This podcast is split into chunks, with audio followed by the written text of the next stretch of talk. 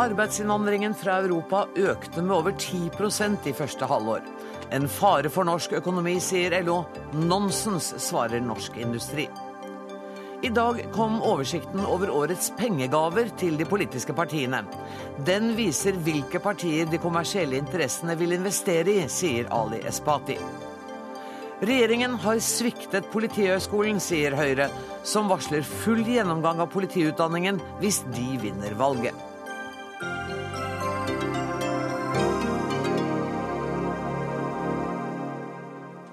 Dette er noen av sakene vi byr på i Dagsnytt 18 i dag, der vi også skal møte en svært tilfreds landbruksminister, som mener at ostetollen er kommet for å bli, og at kritikerne tok feil. Men først skal det handle om arbeidsinnvandring. For i dag kom nye tall som viser at arbeidsinnvandrerne fra, øh, fra Europa fortsetter å strømme til Norge. Økningen er på om lag 10% fra første halvår i fjor til første halvår i år. Og hva synes du om den økningen, sjeføkonom i LO Stein Regaard? Nei, Disse tallene er i seg sjøl ikke noe alarmerende. og det er også sånn at eh, Et enkelttall er bygger på litt usikkerhet, og det er vanskelig å telle og holde oversikt over arbeidsmarkedet. Men jeg kan vel si det sånn at det bekrefter bildet av en eh, endring i arbeidsmarkedet. En innvandring som er blitt mye større enn noen hadde forutsatt. Eh, og dette skaper jo en del utfordringer for, for arbeidslivet vårt. Men, men, trekker du deg litt nå? For tidligere i sommer så sa du til Dagens Næringsliv at økt arbeidsinnvandring kan representere en trussel mot norsk økonomi. Nå har vi fått en økning på 10 er det noen som har bedt deg være litt forsiktig med hva du sier eh, offentlig nå, eller? Nei, nå ble jeg nok dratt litt uh, opp. Men det, som, det, er, det, er, to typer utfordringer. Det er mange perspektiver på dette. Og disse mulige truslene de er ikke så lette å se som de positive sidene ved innvandringen. For de er jo lettere å se. Mange nye mennesker som gjør en flott jobb. Og, og, særlig de av oss som ikke berøres av, innvandringen, vil jo lett uh, påvirkes mest av dette. Men hvis vi går litt nærmere etter det, så er det utfordringer når det kommer så mye på en gang som det har gjort de siste årene. Det er jo sånn at To tredjedeler av jobbveksten uh, de siste seks-sju årene har gått til nye. da. Eh, for det her er ikke bare snakk om skille mellom eh, innvandrere og andre. Det er like mye mellom de som er etablert og nykommere. For noen av de som får størst problemer ved disse store forandringene, er andre typer innvandrere som har kommet for lenge siden, og som er av de gruppene som har størst problemer på arbeidsmarkedet. Så det er de nye innvandrerne, altså de fra, nå som kommer nå fra Europa, som representerer problemet eventuelt? Ja, det er, noe, det er ikke der hvor de kommer fra, men det er det at det har blitt veldig mye på en gang. Eh, og de har vært veldig konsentrert om enkeltbransjer. Eh, og, kanskje også enkeltregioner. Og det gjør det vanskeligere for en del av de som kanskje har slitt mest på arbeidsmarkedet i utgangspunktet. For dette berører bransjer som eh, ofte ikke som har det tyngst i utgangspunktet med Hvilke å opprettholde da? standardene. Nei, Der det er uh, klare spor da kan du si, av dette dilemmaet, det er uh, byggebransjen. Og så er det en del viktige servicenæringer. Varehandel, hotell og restaurant, transport, renhold er vel kanskje de mest markerte, hvor vi ser at det er et kraftig fall bortfall av sysselsetting fra de etablerte, men, veldig, men eh, sterk økning da fra nykommere, om vi kan kalle det det. Jeg syns allikevel at du er mer moderat nå enn du var tidligere. For da du møtte litt motstand, så sa du også at det var alvorlig at to av våre statsråder ville vise manglende interesse for å ta inn over seg den negative endringen. Og du sa om Trond Giske og Ola Borten Moe de har misforstått sammenhengen mellom innvandring og samfunnsøkonomi. Ja, men da tror jeg vi må plage dere med å rekapitulere dere litt av historien. Ok, gjør det. For Utgangspunktet var at uh, Borten Moe, da, siden du trekker fram enkeltpersoner her, han gikk jo til angrep på LO for at vi i det hele tatt problematiserte saken.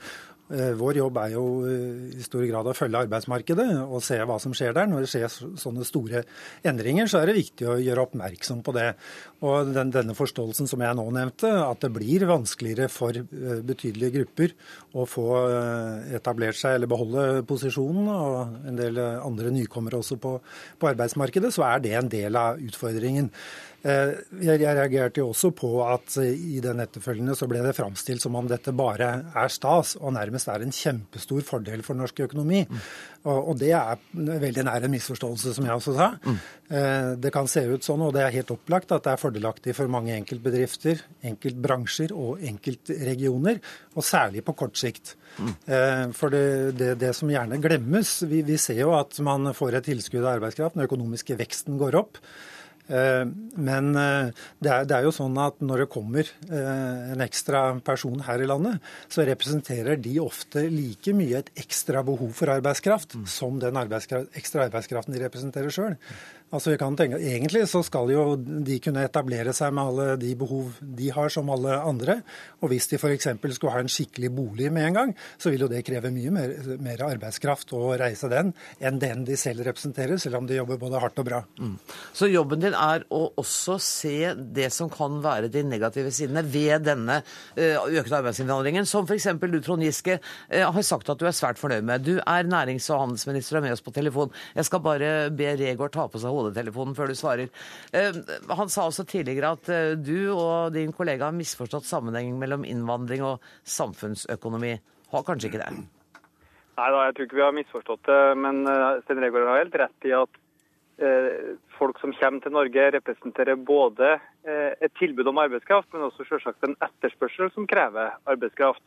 Men i bunnen for det hele ligger jo noe som er enormt positivt, nemlig at vi i Norge har veldig lav arbeidsløshet, høy vekst og etterspørsel etter eh, folk som kan ta jobb. Vi har 350 000 flere arbeidsplasser siden 2005 eh, i et Europa i en dyp og alvorlig krise. Det sier seg selv at når det er 27 millioner arbeidsløse ute i Europa, eh, det er 8-9 arbeidsløshet bare i vårt naboland Sverige, så kommer folk til Norge hvis de har en mulighet til det. Og det forteller jo noe om hvor godt det går i Norge. Og så er det sånn at Veldig mange bransjer hadde ikke klart seg uten denne eh, arbeidskraften.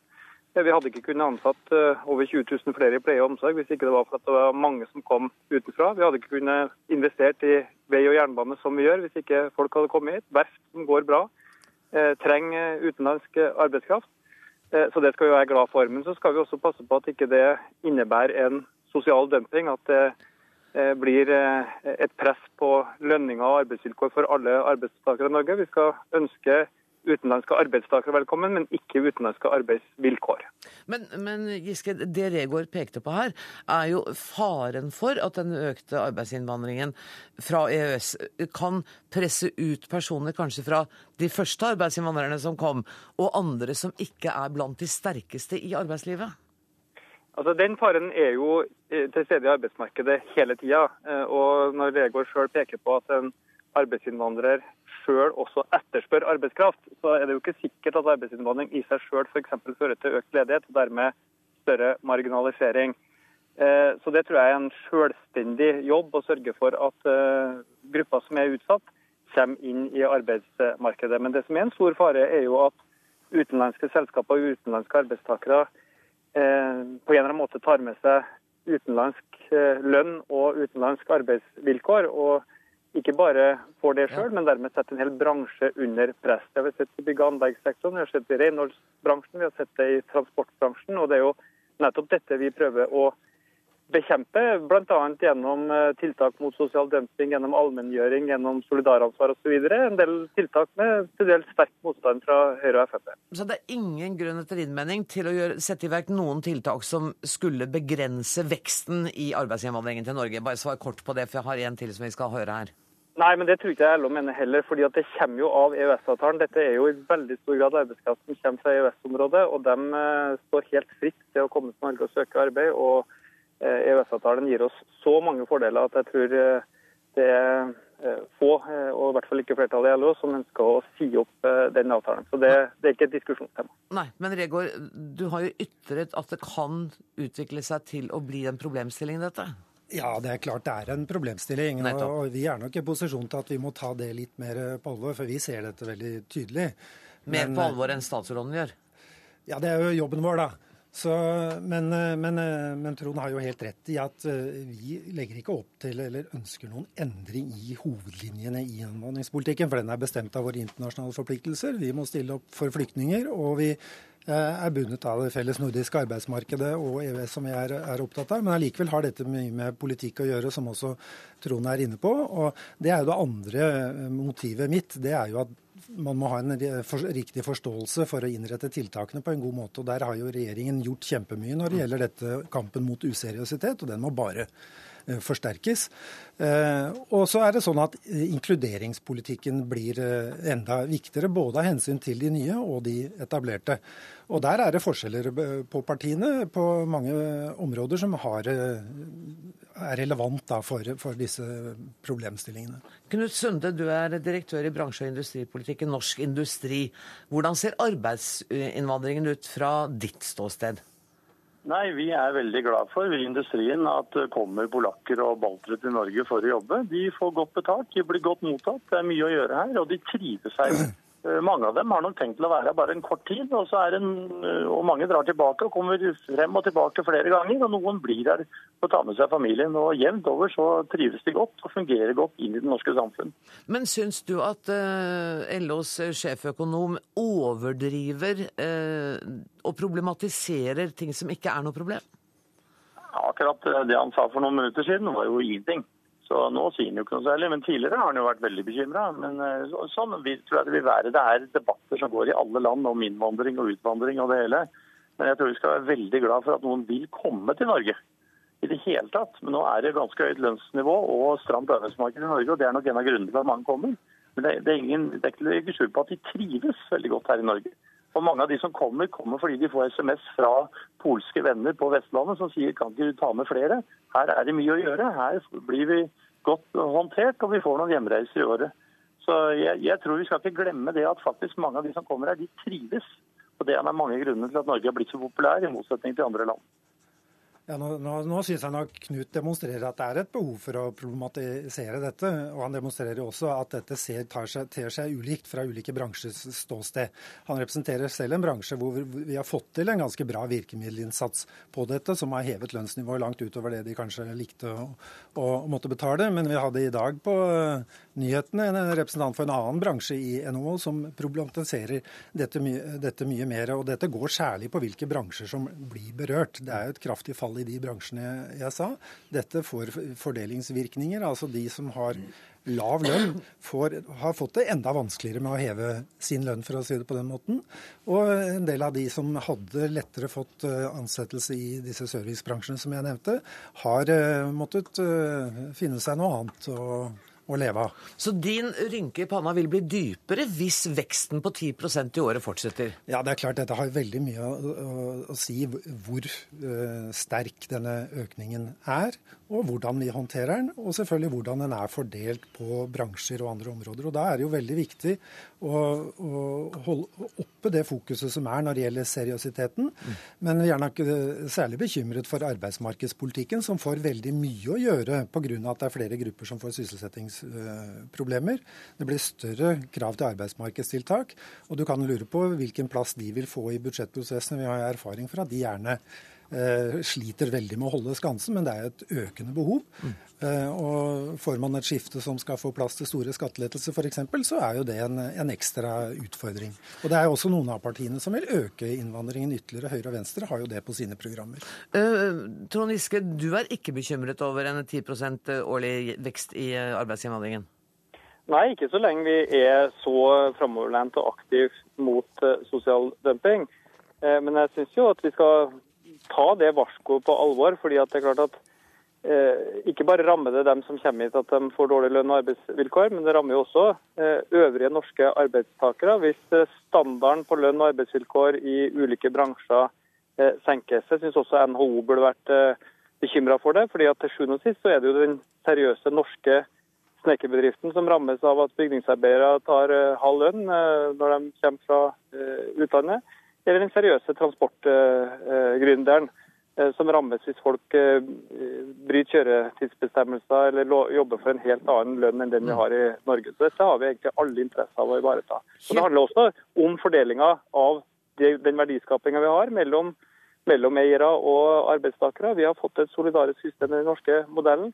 Hvis eh, arbeidsinnvandringa fører til en veldig forskyvning av, av den balansen også, så kan det jo på sikt ha konsekvenser. Sunde, kort til slutt. Jeg går ut fra at du er helt enig med Trond Giske at det er ingen grunn til å bekymre seg over mengden arbeidsinnvandrere. Men hva mener du om hans holdning til lønn og sosiale forhold? Nei, Det er masse fram og tilbake, og det er noen grumsetilfeller her og der i noen bransjer. som Regård sier, Men det vi også skal ha med oss er at det er veldig mange kommuner som har hatt befolkningsnedgang hvis det ikke hadde vært for innvandrerne. For veldig mange av disse innvandrerne de drar dit det er jobb å gjøre. Og Det kan bekrefte at det er ufattelig mange kommuner som pga. innvandringen har befolkningsvekst, og på den måten også har bedre kommuneøkonomi. Så det er, Dette her går langt videre inn i samfunnsøkonomien enn bare en diskusjon om innvandring. og Det må også LO-systemet ta inn over seg. Tusen takk for at dere var med, eh, Stein Regaard, Knut Sunde og Trond Giske. Hør Dagsnytt 18 når du vil, på nettradio eller som podkast. nrk.no – dagsnytt 18.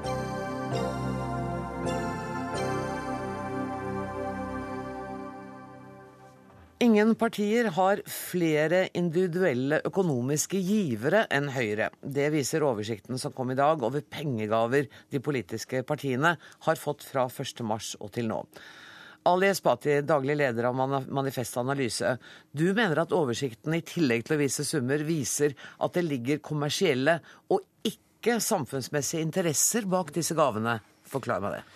Eh, ja, det er ju framförallt så att eh, Høyre som vanlig har, eh, har de rikeste individuelle giverne. Og, og, en sak som er viktig å komme ihåg, er jo at i Høyres politikk så finnes det mange områder der, der man da vil gi større og mer gylne sugerør rett ned i felleskassa for de som, eh, de som har muligheten å, eh, å, å, ha de kommersielle interessene som kreves. Vær litt og der, finnes. Og der finnes det mange av de, de veldig rike som gjerne vil ha enda mer eh, penger. Ja, f.eks.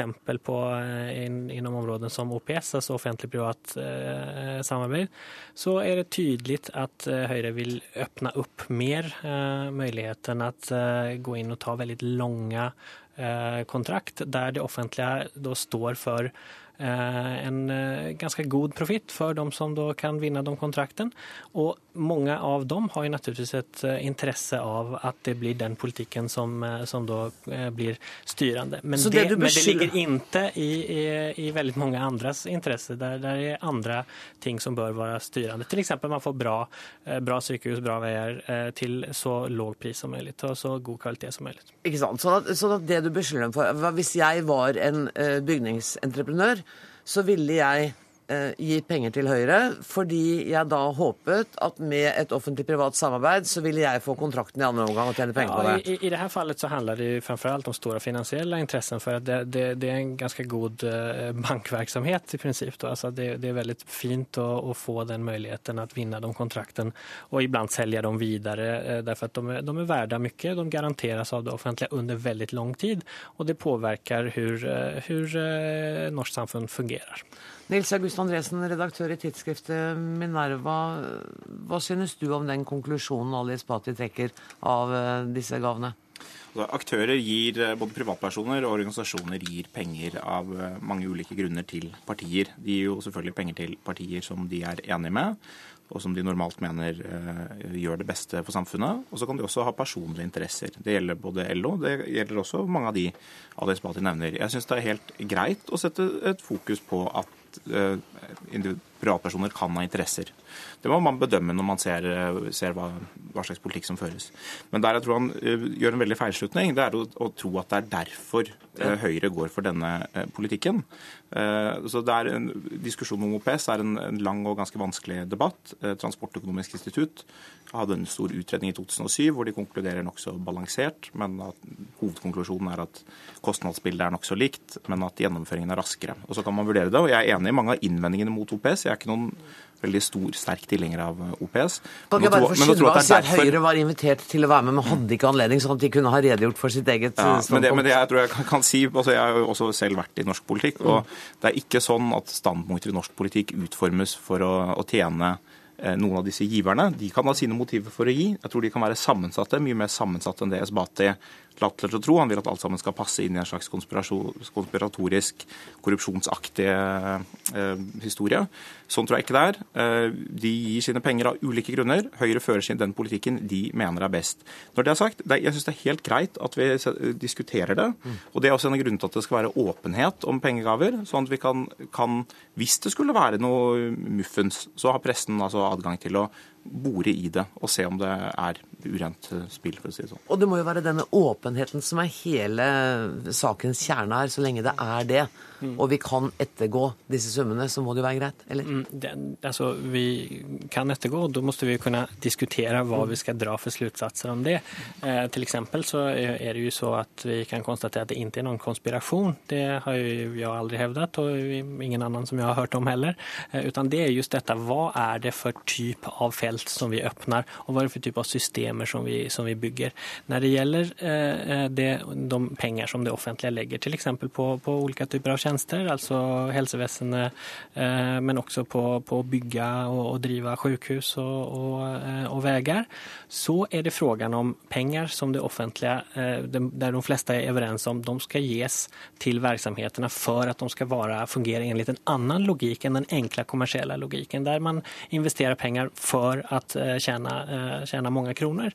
Når det blir så at eh, man da åpner opp for at eh, det, blir, eh, det blir større muligheter for kommersielle å komme og få et sugerør rett inn i den kassen, så endres karakteren på hvordan det offentlige fungerer. Ja, Hvis det er det som skjer.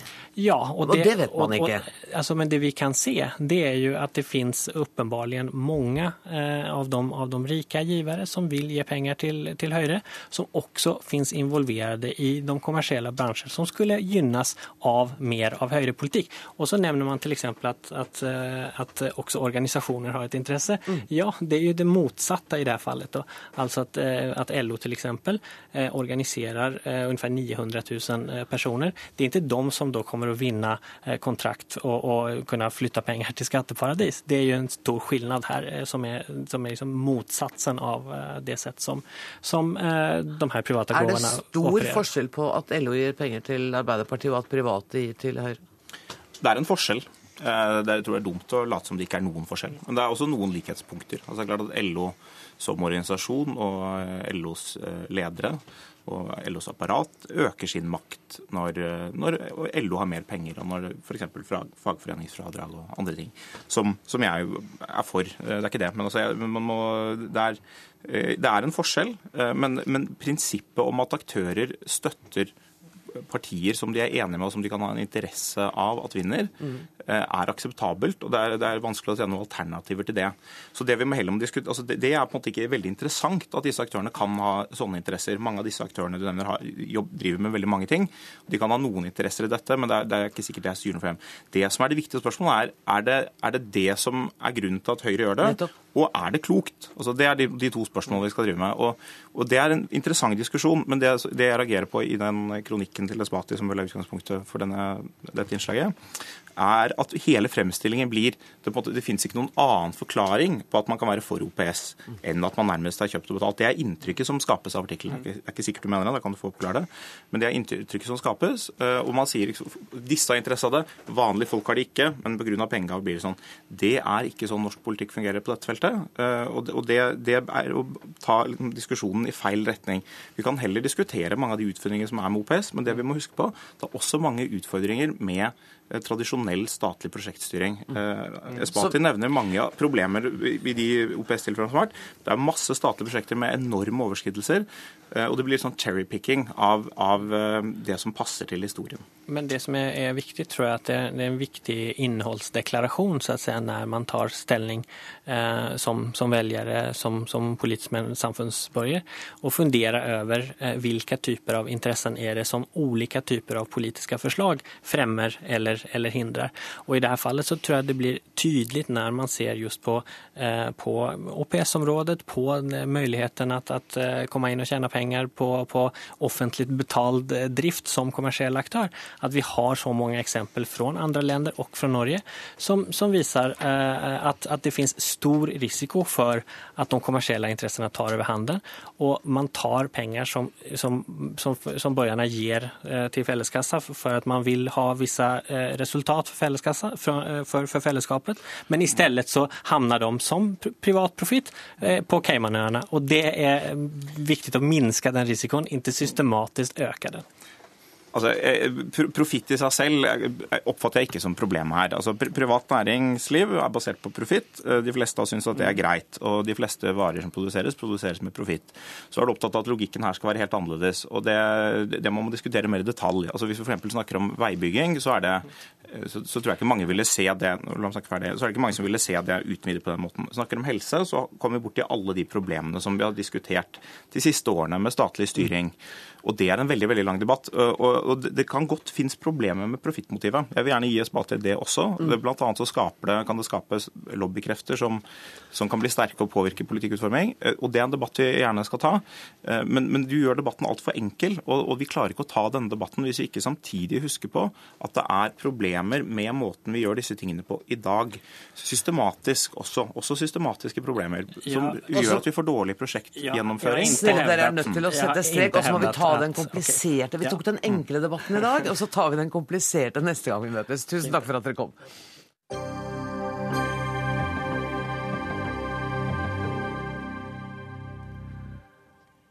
Bekymring, eh, det er til bekymring at politistudenter er for dårlige i norsk og juss og har for lite operativ erfaring. Denne bekymringen gjør at Høyre nå ønsker en gjennomgang av politiutdanningen. Anders Bjørnsen Werp i Høyre, regjeringen, regjeringen har sviktet Politihøgskolen, sier dere. Mener dere virkelig det? Ja, det mener vi i aller høyeste grad. Eh, vi ser jo en kriminalitetsutvikling med en kriminalitet som blir bedre organisert, mer internasjonalt, mer brutal, mer avansert. Samtidig som vi har eh, store utfordringer når det gjelder styrket beredskap generelt. Og I det bildet så mener vi at eh, det må møtes med kompetanse og kvalitet fremfor eh, altså mengde eh, studenter. Og, og vi mener at regjeringen... Dere satt og ropte på flere politifolk. Det er dere har vært med på å be om at det skal utdannes flere politifolk her i landet. Ja, det, og det skal vi gjøre. Vi skal ikke redusere antall studenter, men vi skal fokusere mer på kvalitet. Det er det vi mener. Og rett før sommerferien eh, så fikk vi politianalysen.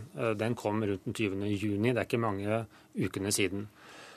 Og den fastslår at eh, det finnes ikke engang i regjeringen eh, en nasjonal kompetanseplan i politiet. Og, og, med de utfordringene politiet står overfor, så mener vi det er oppsiktsvekkende. Og vi mener det er på høy tid at vi nå setter kompetansen og kvaliteten eh, på dagsorden. Det har ikke denne regjeringen gjort. Den har hatt åtte år på seg, og nå er det på høy tid. Jan Bøhler, justispolitisk talsmann i Arbeiderpartiet. Dette er en virkelighetsbeskrivelse du tar avstand fra, vil jeg tippe?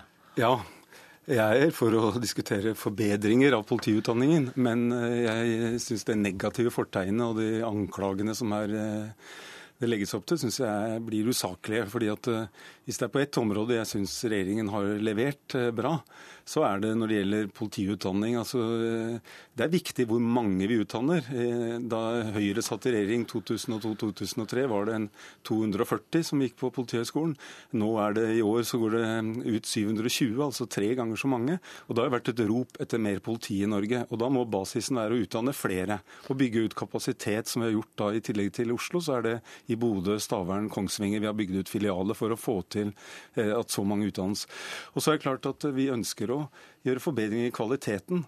Det bygges f.eks. nå et senter oppe på Kongsvinger, et sted som heter Setergård, hvor man skal få mer praktisk, eh, eh, bedre praktiske øvelser. altså Hvor den mer aksjonsrettede delen av utdanningen skal kunne ivaretas bedre. Ja, for Du må jo ha fått med deg at statsadvokat Stein Vale, som også har vært sensor ved Politihøgskolen, har sagt at han er bekymret for politistudentenes nivå, både når det gjelder juridiske fag og også norsk.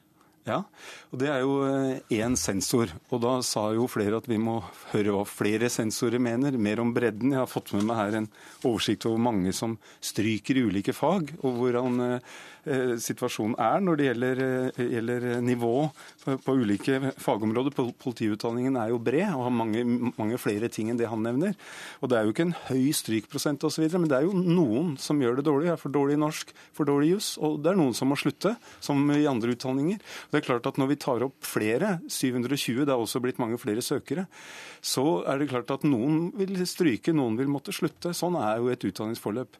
Det har også en spesiell side det med, med han sensoren, at det han er sensor i, det gikk man tidligere opp i når man var i tredje klasse på Politihøgskolen. Nå er det flytta til første klasse for at man skal begynne med den jussen tidligere.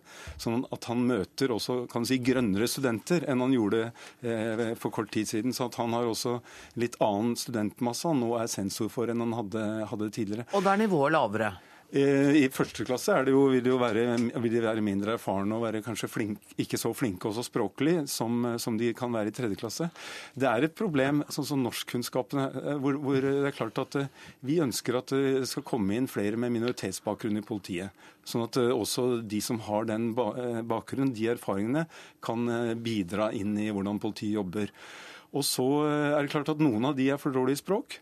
Og, og, noen av dem og noen blir flinke. etnisk norske er for dårlige i språk. Og noen etnisk norske kan være for dårlige. Og noen blir flinkere i løpet av utdanningen, noen blir det ikke, og de må altså slutte. Den sånn som sitter med ja. svaret på akkurat disse tingene, ta på dere hodetelefonene mine, herre, for vi har med oss Geir Valaker, som er avdelingsleder ved bachelorutdanningen på Politihøgskolen. Um, hvordan reagerer du på påstander om at det er for dårlig kompetanse, og at man har satsa for mye på kvantitet i forhold til kvalitet på Politihøgskolen? Nei, jeg mener at eh, kompetansen og sluttkompetansen hos avgangsstudentene på ingen måte er lavere nå enn tidligere. Den omleggingen knytta til enkelte juridiske emner, det at de går opp til eksamen allerede i første studieår, er gjort for at de skal få større læringsutbytte i praksisåret som er i andre studieår. Og de har en krevende eksamen som inkluderer også juridiske fag og enkelte politifag og sågar psykologi i tredje år, der resultatene er svært gode. Eh, når det så gjelder norsk, så har vi også over tid sett at norskkunnskapene generelt hos ungdom ikke synes å bli bedre. Vi krever tre i norsk for å komme inn på Politihøgskolen. I tillegg har vi fra årets opptak satt i gang et prøveprosjekt der vi også skal anvende tester i norsk for å sikre oss at de som ikke mestrer norsk til, til eh, tilfredsstillende, ikke får begynne på Politihøgskolen. Eh, men da, Anders Bjørnsen Werp, eh, da hører du at da, situasjonen er altså ikke blitt verre, sier de fra Politihøgskolen, og det er ikke en spesielt høy strykprosent. Hvordan har Arbeiderpartiet sviktet? Jeg skjønner veldig godt hva Vallaker sier, at det ikke er lavere nivå nå enn tidligere. Men det som jo er utfordringen i norsk politi, og utfordringen for utdanningen av norsk politi, er at vi nå i løpet av ett år har fått to drepende rapporter. Den ene er 22.07-kommisjonens rapport. Den andre er politianalysen som kom altså for noen få uker siden.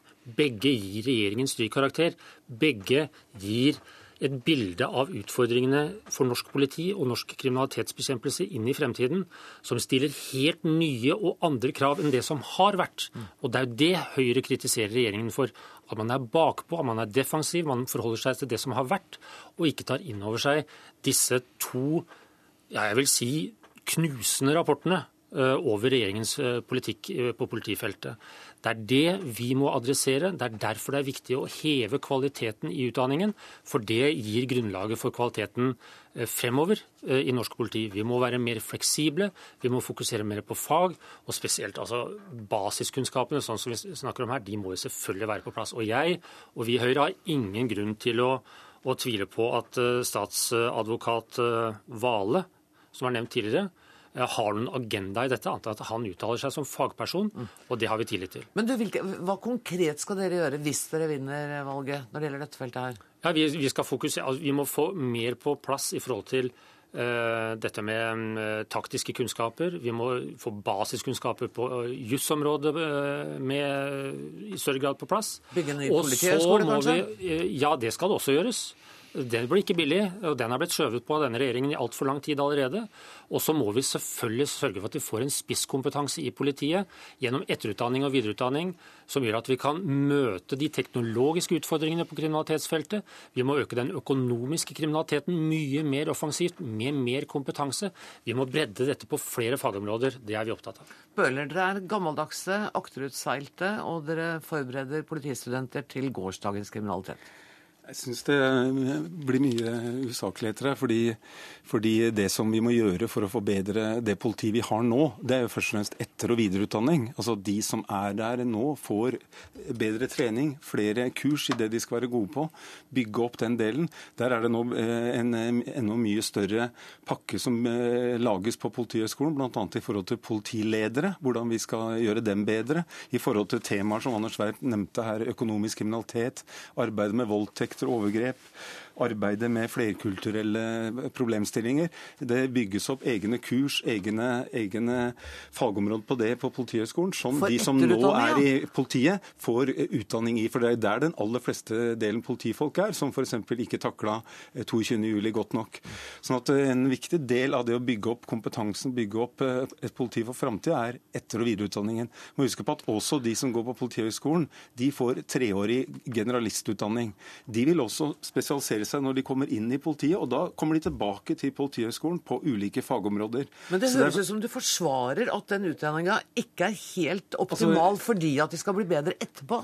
Det, nei, altså det er sånn at vi har en generalistutdanning på Politihøgskolen. Og spørsmålet mitt til Høyre og til Fremskrittspartiet, som har foreslått at man skal for, for store deler av de som utdannes på Politihøgskolen, skal legge opp til en ettårig utdanning istedenfor en treårig som er i dag, så er spørsmålet mitt til Høyre, som de aldri har svart ordentlig på, om de er enig i at vi bør avvise det forslaget fra Fremskrittspartiet om at man skal gå ned til ett år. For det er i hvert fall ikke noen forbedring av kvaliteten på de som utdannes på Politihøgskolen. Nå kan dere få svare. Ja, Nå får jo først og fremst Frp svare for sin egen politikk, og så skal jeg debattere Høyres politikk. og Det går på en, det går på en treårig utdannelse.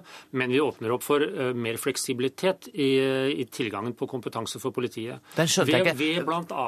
at f.eks. data kompetanse, folk med djup eh, datakompetanse, kan komme inn i politiet uten å være politiutdannet, f.eks. For, eksempel. for det er det behov for kunnskap om i, i politiet. Sånn det, det, samme, det, samme, ønsker vi i større grad for økonomer. For å bekjempe økonomisk kriminalitet. Det er en fleksibilitet vi mangler.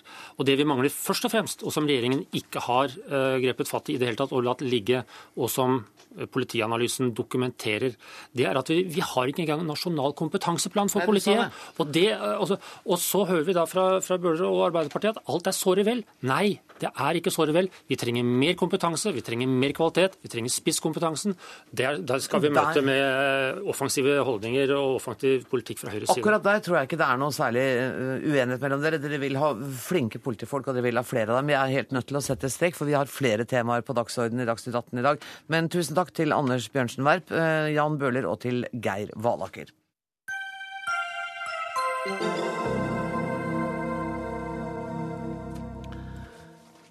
skal dreie seg om konflikten mellom eh, rovdyr og husdyr. I år har det blitt drept rekordmange ulv i Norge. Likevel har bønder i Gudbrandsdalen opplevd at ulven har gjort uvanlig stor skade på sau og lam i sommer. Regjeringen bidrar til avfolking av bygdene med sin rovdyrpolitikk. Det skriver Folkeaksjonen Ny rovdyrpolitikk i avisa Nasjonen i dag. Nils Solberg, hvordan blir bygdene avfolka? Bygdene blir avfolka pga. SV og venstresiden i eh, norsk politikks eh, håndtering av dette med rovdyr. Eh, vi opplever et, et utmarksbruk som står for randen, på randen av stupet. Og der det blir produsert miljøsmart og klimasmart mat. Og isteden så må vi importere maten vår fra New Zealand f.eks. Men det er drept elleve ulver eh, i år. Hvor mange omtrent har vi? Ja, altså eh, Den ulven vi har i Norge, den, eh, det er jo da en russisk ulv. En russisk-finsk ulv. Og de eh, som er i Norge, det er deler av en bestand på ca. 50 000-60 000 dyr. Så man kan ikke si at den er utrydningstruet. Men den bestanden er jo ikke i Norge, da? Mm, nei, men det er altså omtrent her vi sitter nå, på Marienlyst og videre østover så er det da denne ulven. Vi er helt i utkanten av denne. Vi er i randsonen, kan man si. Mm. Og dere vil fjerne eh, ulven fra norsk jord? Ja, vi ønsker ikke å fjerne ulven, men vi ønsker, også, ønsker ikke ynglende ulv i Norge. Vi ser ikke noe grunn til det. Er ikke det det samme som å fjerne ulven hvis du ikke skal ha ynglende ulv her? Eh, det kan man si at det vil alltid være noe ulv i Norge, i og med at, vi er underlagt svensk politikk. Eh, svenskene de har jo ingen kontroll på sin rovdyrpolitikk. Eh, og nå er det vel ca. 500-600 ulv i Norge, og 150 av de, de vandrer, er ute på vandring. Og Det er den ulven vi opplever her i Norge. Miljøvernminister Bård Vegar Solhjell, du ødelegger altså eh, for et eh, sunt eh, næringsliv på bygdene, og dere driver en bygdefiendtlig miljøpolitikk. Mm. Jeg syns jo det er en unik kvalitet, vil jeg kalle det, ved Norge. At vi har rovdyr. og det er en bygde- og bykvalitet. Gjentatte meningsmålinger blant folk viser at det har stor støtte i Bygde-Norge Eh, og i fylker som er tøft ramma, der det er en stor konflikt rundt det, Hedmark og Oppland, at vi skal ha levedyktige bestander av ulv og bjørn, jerv og gaupe. Mm. Det spesielle med oss i forhold til nabolandet er at vi har veldig få ulv. Sverige har ti ganger så mye, mange kull som fødes hvert år. Eh, men de har også en dårlig rovdyrpolitikk, eller har ikke kontroll på den, sier han. Mener de, men, men Det er en realitet, Solhjell, det må du jo du vite også. Jeg, jeg, respekterer at uh, vi har litt ulike syn her. Men eh, i Norge så har vi eh, få ulv i forhold til våre naboland. Eh, men jeg vil si at vi har et stort ansvar og en stor verdi at vi tar vare på dem.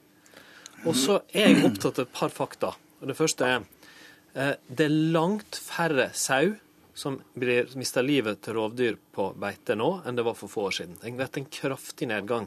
Og En viktig grunn til det er at vi har prøvd å forebygge at, altså at selv om vi skal ha rovdyr, så skal vi begrense skade mest mulig. Konflikt vil det være, men vi skal begrense det. Andre viktige faktum. Eh, det siste årene har det blitt mindre av de dyra som tar mest sau, nemlig jerv og gaupe.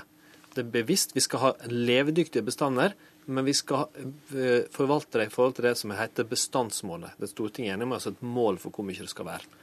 Men det er en brei støtte i Norge for at vi skal fortsette å ha rovdyr, og det er brei støtte på bygdene for det. Men er ikke en av grunnene til at det, at det er færre sau som blir tatt av rovdyr, at det er færre sau?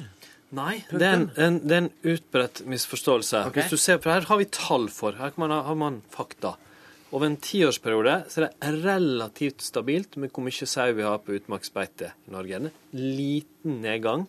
Eh, men eh, det er fylker med mye rovdyr der det går opp. Mm. Derimot er det bare de siste årene en kraftig nedgang i hvor mye tap vi har. Så det, det forklares eh, først og fremst ved at vi har klart å forebygge konfliktene og ta, ha begge hensyn. Både hensyn til rovdyr og hensyn til at det skal være mulig å drive skikkelig med utmarksnæring, altså eh, tamrein og sau i Norge. For det vil han. Han vil at dere skal drive med tamrein og sau. Ja, men det er nettopp denne Walt Disney-politikken som faktisk ikke fungerer. Eh, når vi ser på hvordan disse inngrepene som ulven eh, har gjort Du har sjøl vært i, i Lesja og sett en del av ulvens herjinger. Ulven tar ikke ett dyr. Hadde den enda gjort det og tatt ett dyr og spist opp, men det vi ser, at den tar 20-30 på en natt. Altså, folk kan ikke, går ikke og stelle dyra sine en hel vinter og så slipper de rett i ulvekjeften. ikke sant? På Finnskogen så har de tatt på opp mot 50% Du har sett det sjøl, Solhjell, og jeg kan ikke begripe at du kan forsvare den måten å forvalte våre utmarksbeiter på. Og heller ikke i forhold til helt, jakt. Altså, rovdyr tar andre dyr. Sjølsagt. Over hele verden har man rovdyr som tar livet av andre dyr, er andre steder òg mennesker. Mm. Men det er likevel sånn at vi har et ansvar som India har for tigeren, som Sør-Afrika for neshorn, Norge sammen med andre land for noen rovdyr. Men vi skal begrense skadene det gjør på sau og rein mest mulig. Det har vi klart å redusere. Så vil jeg legge til det, det du kaller Walt Disney-politikk. Det spesielle med rovviltpolitikken er at sju på alle partier på Stortinget faktisk har blitt enige om et forlik, til tross for at vi egentlig er ganske uenige om en del av tingene. Så det er faktisk sånn at nå har alle partier på Stortinget skrevet under på at ja, vi skal ha levedyktige bestander av rovdyr, men da skal vi samtidig gjøre mye for å begrense problemene for de som driver med sau. Det er vel ikke akkurat sånn bildet er, eh, Solhjell. Altså, vi eh, i forhold til eh, Du forfekter, snakker om levedyktige bestander i Norge, og du også, skrev også det i en kronikk, at det skal være levedyktige bestander i Norge. Stortinget sier ikke det. Stortinget sier at vi skal bidra til eh, eh, levedyktighet i et, på et, et fenoskandinavisk nivå. Det er Norge, Sverige, Finland, deler av Cola. Det er, det er det eh, Stortinget sier. Og så skjerper du det inn Og, og du er også litt frekk her, syns jeg, når du sier at det, er en bred støtte for dagens rovdyrpolitikk ute på bygdene. Da må du spørre de, de ordførerne og de kommunestyrene som sitter fra Elverum, fra Trysil og nedover eh, til Halden, der jeg bor. De er, alle er imot det, enten det er SV, KrF, Venstre, Høyre osv. Spør de ordførerne. To ting. For det første, har du tøyd dette stortingsvedtaket litt? Er det et felles skandinavisk prosjekt som du tøyer litt langt? Ja, Det er ingen tvil om at det er et felles prosjekt. og Mitt poeng er at Norge tar egentlig en liten del av ansvaret for det prosjektet. Men Stortinget har vært så presis at man har vedtatt mål for nøyaktig hvor mange kull vi skal ha av unger hvert år. Det følger jeg til punkt og prikke, og på ulv har vi akkurat på det målet Stortinget er enige om. Og så til dette med ordførerne i distriktene. som ja. den store debatten som mange syns er tøft, er at vi har noe som heter ulvesonen. Altså et område i Norge, Hedmark, Østfold og Akershus, der ulven eh, er. Der har den første pri. Utenfor har den ikke. Og det er klart, For de som bor i det området, så oppleves det nok tøft at de må bære mye av ansvaret for en nasjonal politikk. Mm. Mens for de som er utafor, så oppleves det som lettere å akseptere rovdyrpolitikken da. Likevel så er det sånn at sju av sju partier har gått inn for det på Stortinget. Og så Hvis vi kan løfte blikket litt ja. Altså, Har vi rovdyr, så vil det alltid være konflikt med andre dyr, fordi de er rovdyr. Mm. Men det er en verdi som er umistelig. Vi har utrydda ulv i Norge før. I mange tiår utrydda vi det. Vi har sakte, men sikkert fått det tilbake igjen. Og når det gjelder bjørn, f.eks., så har vi jo for få bjørn i forhold til det målet vi har. Ja, så du ønske at vi hadde et rovdyrfritt Norge? Nei, på ingen måte. Jeg mener absolutt at vi skal ha rovdyr i Norge, og det har vi også hatt i alle år. Eh, eh, vi har altså, Det er solide eh, dyr vi snakker om. Vi tenker på jerv, gaupe. Mm. Det har vært skuddpremie på i alle år. De har overlevd det også. Når vi snakker om at det er få bjørn i Norge, så glemmer vi også å si en ting. At på andre siden riksgrensen, altså i Sverige, der er det verdens bjørnetetteste område. Mm. Så, så, det er solide ting vi snakker om. Altså, men det er politikerne som bestemmer om vi skal ha det. Det har ingenting med biologi å gjøre. En, en positiv ting som har skjedd det siste halvåret, det er at det har etablert seg et ulvepar rett utenfor Oslo. Jeg tror for hele den debatten at det kan være veldig bra at vi som bor i nærheten av Oslo, òg skal få rovdyr tettere på kroppen. Eh, fordi eh, det er et nasjonal, altså det er både folk på bygdene og i byen som er for det, og da syns jeg det, det, er bra at vi òg får ulv nærmere Oslo. Mener altså SV og Bård Vegar Solhjell, og dermed setter jeg strek. Tusen takk også til Nils Solberg.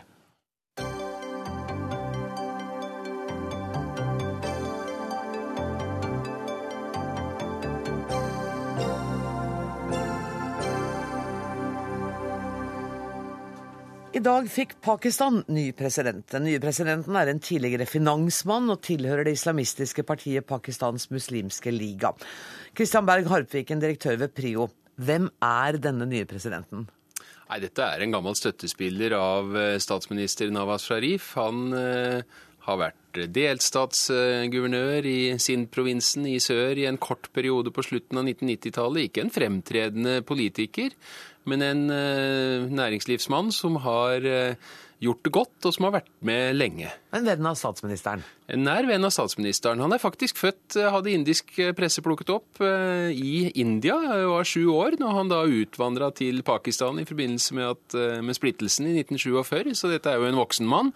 Men inderne hadde da vist et visst håp i kommentarene sine i dag til at det å ha en president som er født i India, det kunne komme forholdet mellom India og Pakistan til gode. Og det trengs jo. Men, men kan det det? For altså, det lille jeg har skjønt og lest om dette her, er jo at han er jo en seremoniell figur presidenten. Ja. ja. da. Den eh, pakistanske presidenten har ikke lenger veldig stor makt. Det hadde faktisk presidentvervet fram til 2010. Ja. Hvorfor eh, ble det borte? Hvorfor måtte presidenten gi fra seg disse rettighetene? Altså for det første så, Grunnen til at de hadde store fullmakter, var at det var et par militærdiktatorer, Ziaul Haq på 80-tallet og eh, Musharraf i, i dette årtusen, som hadde tilført vervet store fullmakter. Og så måtte president Asif Sadari, som nå går av om eh, noen dager, han måtte gi fra seg mange av disse fullmaktene for å bli sittende ved vervet etter eh, det demokratiske valget for fire år siden. Men er det, en, er det, bekymringsfullt at den presidenten som nå er valgt, og han er valgt av folkeforsamlingen, altså av parlamentet, og av fire regioner, er det det? Det er riktig. Ja. Delstatsforsamlingene. Nettopp. Mm -hmm. At han har et så nært forhold til statsministeren.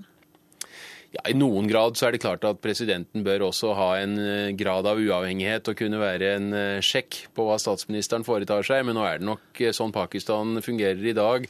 Først og fremst maktbalansen mellom på den ene sida politikerne, på den andre siden militærapparatet, og på den tredje siden da rettsapparatet som, som tilfører de kontrollene som skal til i dette systemet. Presidenten har egentlig ikke spilt noen stor rolle i det i nyere tid. Sånn at Da vi fikk nyhetene i natt om at 248 fanger var sluppet ut av et fengsel etter en eh, militær aksjon eller en væpnet aksjon, så vil det være for lettvint å knytte det til presidentvalget. Ja, Det har vi ikke fått bekrefta ennå. Det er klart at spekulasjonene går veldig fort i den retning. og Dette var jo en spektakulær militæraksjon i stammeområdene i Dera Ismail han, Eh, 248 løslatte fanger etter en flere timers beleiring av eh, et fengsel. Eh, Vet vi hvem som sto bak? Nei, det er ingen, så vidt jeg har fanga opp, som har eh, tatt kreditten for dette her. Og det har heller ikke vært noen spekulasjoner om hvem som sto bak. Men det er klart, eh, alle regner med at dette er en av de lokale Taliban-grupperingene. Og man veit jo hvem det var som ble sluppet løs, og hvem som kom løs er heller ikke tilfeldig. fordi at eh, disse angriperne de gikk faktisk inn med megafon og ropte opp navnene én etter én på de På fangene de som ha- skulle ut. Okay. Så dette var godt organisert. Og det var Taliban-tilhengere eller medlemmer? Ja. Og muligens også noen eh, Al Qaida-affilierte. Det, det er heller ikke bekrefta ennå. Kommer denne aksjonen til å få noen politiske konsekvenser? Altså, dette skjer jo med regelmessig mellomrom i Pakistan, men det er klart at det er ikke en fjær i hatten for regjeringen når, eh, når man får denne typen militæraksjoner på egen jord av en gruppe som eh, jo også Nawaz Sharif da har sagt at man skal være i eh, dialog med, og det er jo veldig, veldig omstridt, eh, dette punktet med dialog med Taliban. Den motsatte strategien som har vært ført noen år nå, som er å konfrontere Taliban, har kanskje i større grad samlet Taliban enn noe annet, men, men det er eh, virkelig et stridsspørsmål i eh, Pakistan hvordan man håndterer denne interne sikkerhetstrusselen. Og det kommer det til å være lenge. Tusen takk for at du kom til Dagsnytt 18, Christian Berg Harpviken, direktør ved Prio.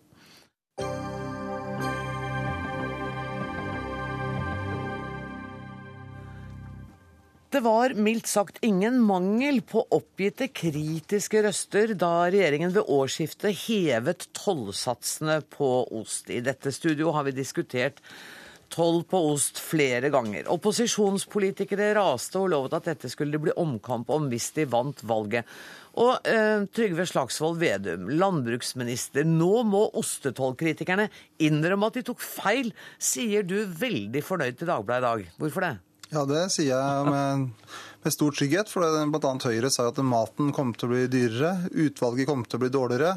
Og man skulle tro at det nesten var en krise som hadde ramma Norge når vi tok vare på titusenvis av norske arbeidsplasser. Men altså, importen av ost til Norge, sa, ja, importen av ost til Norge kommer til å øke sa jeg, etter jul. Det er ingen fare, for vi har store tollfrie kvoter. Utvalget av ost kommer til å bli større. Men eh, Svein Flåtten, altså, det er helt umulig å tenke seg. Og Når vi ser nå importstatistikken for det første halvåret, så har importen økt, akkurat som regjeringa sa. Utvalget av norske, norske og importerte oster har aldri vært større i norske ostedisker. Det har ikke vært noen stor prisrevolusjon. Det har gått kjempefint. Så alle de som nå var ute og var skremmere før jul, eh, med Høyre i spissen, bør jo nå si beklager. Vi tok feil. Eller vi valgte bevisst å prøve å skåre billigpolitiske poeng på bekostning av titusenvis av norske arbeidsplasser. For det, det de sa, har ikke skjedd. Eh, Og det var det regjeringa sa som har skjedd. Utvalget kommer fortsatt til å øke, og prisene kommer ikke til å eksplodere. Så det, det er jeg selvfølgelig glad for. Ja, og Her i studio med meg sitter Svein Flåtten. Nå skal jeg spørre om han har lyst til å be deg om unnskyldninger for de kritiske merknadene han kom med tidligere. Nei, det har jeg slett ikke tenkt uh, å gjøre. Jeg har tenkt å knytte noen nye kritiske merknader til det han sier i, i dag. Men er og- du enig i at du, at du tok feil når du sa at maten blir dyrere og utvalget blir dårligere? Det sa jo du sjøl, har sagt både til Bondebladet og Aftenposten, og det har jo ikke skjedd. Og da er det jo rart at du ikke kan For det er ikke så viktig for meg at du beklager overfor meg, men du bør jo si overfor de som jobber i næringsmiddelindustrien, overfor de som hver dag går i fjøset, og si at de billige politiske poengene jeg prøvde å score Ja, før, har, før hørt, jul, jeg har hørt du har sagt det en gang. Det holder. Da tror jeg jeg kan få lov å si det, skal du jeg få har lov til. tenkt. Ja. Og det er jo faktisk eh, ikke slik at, eh, at eh, importen øker i mengde. importveksten, som var veldig sterk, på opp mot 10% den er blitt betydelig redusert. Og det har selvfølgelig med disse restriksjonene på toll å gjøre. Og det viser at vi tok ikke feil, for det at Slagsvold Vedum har oppnådd det som han ønsket. Han reduserer importveksten fra våre handelspartnere i Europa. Vi er bare i begynnelsen. Vi har sett bare et halvår av dette. Det er den ene siden ved det vi sa. Det andre vi sa, var at dette kommer til å gå utover norske forbrukere. Man kan jo ikke si noe annet enn at når du øker tollen på utenlandsk ost, så blir den dyrere.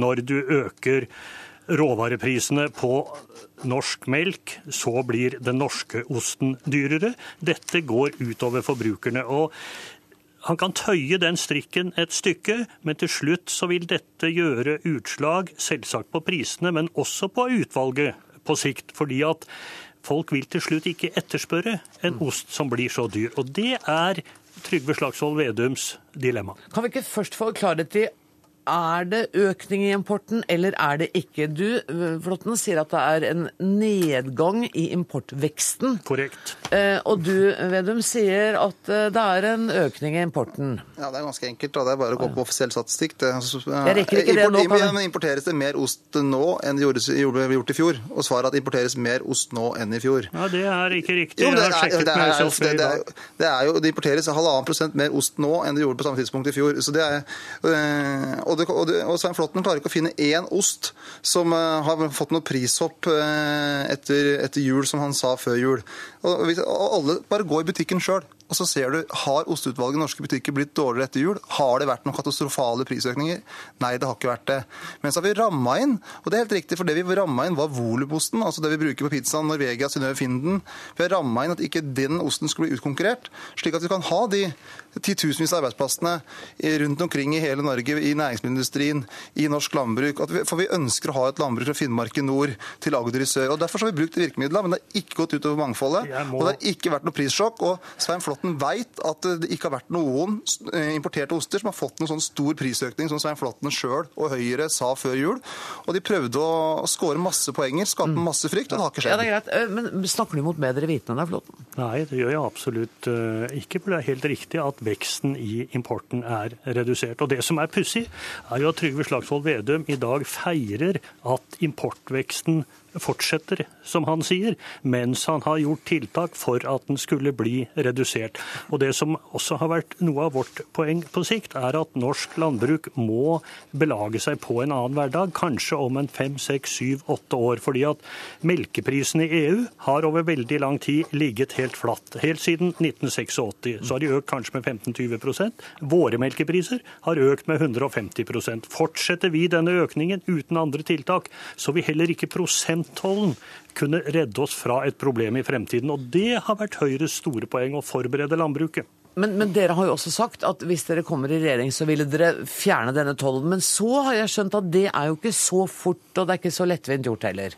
Nei, det kan godt hende, men vi sier fortsatt at vi vil reversere tolløkningen, og vi vil gjøre det på en forsvarlig måte, og vi vil gjøre det så fort vi kan. og Det betyr at man gjør det i budsjetter og i forbindelse med, med landbruksoppgjør. Ja, det er eh, jeg synes det er helt utrolig at eh, Høyre fortsatt mener, når, når, når man ser nå at utvalget ikke har blitt dårligere, prisene har ikke eksplodert. Og det vi har klart å beskytte, er da titusenvis av norske arbeidsplasser i næringsmiddelindustrien, i, i norsk landbruk. Og at Høyre er mer opptatt av dansk landbruk, tysk landbruk enn av norsk landbruk og norsk næringsmiddelindustri, det skjønner jeg ikke. Og og den norske regjeringas oppgave er å stå for norske interesser, og samtidig bidra til en politikk at norske forbrukere får utvalg, bredere utvalg. Og det har aldri vært bredere utvalg i norske ostedisker enn nå. Det har aldri vært flere norske oster, det har aldri vært flere importerte oster. Så vi har fått til begge deler, og det burde Høyre juble for, takke oss for og si beklager at vi ønsker å hakke på norsk landbruk ved enhver anledning. Men han kommer ikke til å beklage, for han mener at du ikke har rett. Ja, men Han har jo rett. Han sier jo sjøl også at veksten i importen er lavere. Han sier jo sjøl at, at, impo- at Nå må er jeg få lov å snakke, Slagsvold Vedum, du selv om du er Ja, det er altfor lite. Det er et faktum at importveksten reduseres. Det går utover våre handelspartnere, det kommer etter hvert også til å gå utover forbrukerne. Og vi må forberede norsk landbruk på en annen hverdag enn det de har nå. Og det er derfor vi ønsker å reversere tollen på en forsvarlig måte når vi får anledning til det. Det er en snikende følelse at vi kommer til å snakke om dette igjen. Tusen takk skal dere ha, Trygve Slagsvold Vedum og Svein Flåtten. Dagsnytt 18 er slutt. Ansvarlig i dag var Siri Storstein Hytten. Det tekniske ansvaret har Lisbeth Sellreite. Jeg heter Anne Grosvold. Ha en god kveld.